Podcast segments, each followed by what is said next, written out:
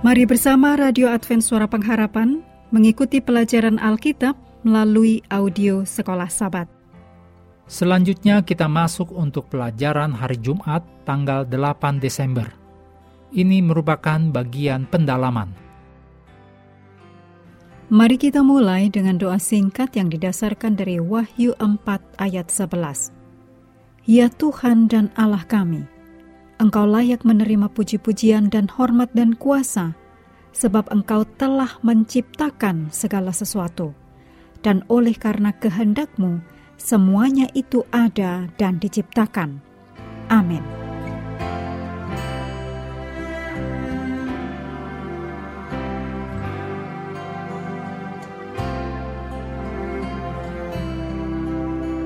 Salah satu hal penting yang bisa diambil dari pengalaman Paulus di Aeropagus adalah pengamatan awal yang dilakukan tentang bagaimana menjangkau satu kelompok orang yang tidak percaya, yang belum dijangkau, yang menghasilkan sebuah kelompok kecil orang percaya di Athena.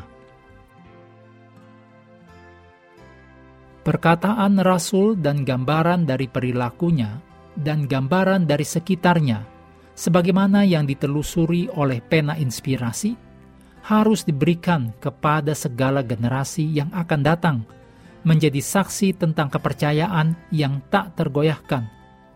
Keberaniannya menjadi seorang diri dan mengalami kesukaran, serta kemenangan yang diperolehnya untuk kekristenan di pusat penyembahan berhala. Berikut ini kutipan dari tulisan Ellen G. White dalam buku The Acts of the Apostle halaman 240-241. Perkataan Paulus berisi harta pengetahuan bagi gereja. Paulus ada dalam keadaan di mana ia dengan mudah dapat mengatakan sesuatu yang akan melukai para pendengarnya yang sombong dan membawa dia sendiri ke dalam kesulitan.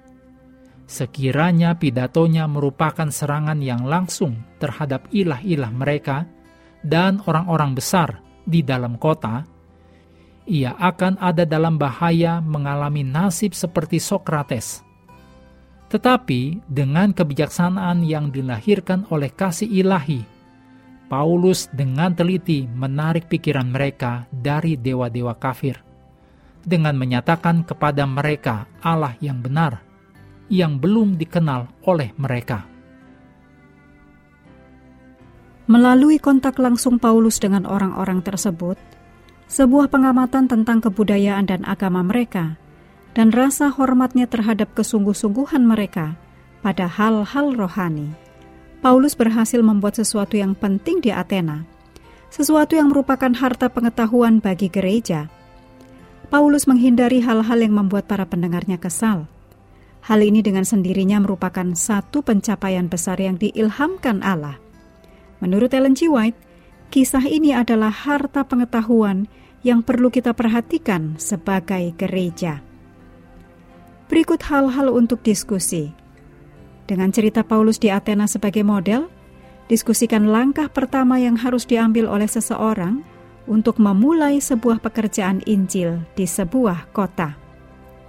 Yang kedua, diskusikan perilaku seperti apa yang dituntut dari seorang Kristen untuk membangun jembatan dengan orang-orang di kota atau di tempat lainnya yang tidak mengenal Allah. Yang ketiga, ketika kita diprovokasi dengan berjenis-jenis berhala modern, diskusikan apa yang harus kita hindari secara khusus pada bagian awal ketika memulaikan sebuah pekerjaan baru di antara orang-orang yang menyembah berhala-berhala ini. Yang keempat, Paulus bisa saja berhenti dengan hanya memperkenalkan orang-orang itu kepada Allah yang mencintai mereka, dan mereka akan cukup senang. Tetapi Paulus kemudian melewati sebuah garis batas yang membuat orang berpikir dia menipu ketika menyampaikan ide tentang kebangkitan. Diskusikan, apakah kita harus melakukan hal tersebut? Mengapa ya atau mengapa tidak? Mengakhiri pelajaran hari ini, mari kembali ke ayat hafalan Kisah Para Rasul 17 ayat 24. Allah yang telah menjadikan bumi dan segala isinya. Ia yang adalah Tuhan atas langit dan bumi, tidak diam dalam kuil-kuil buatan tangan manusia.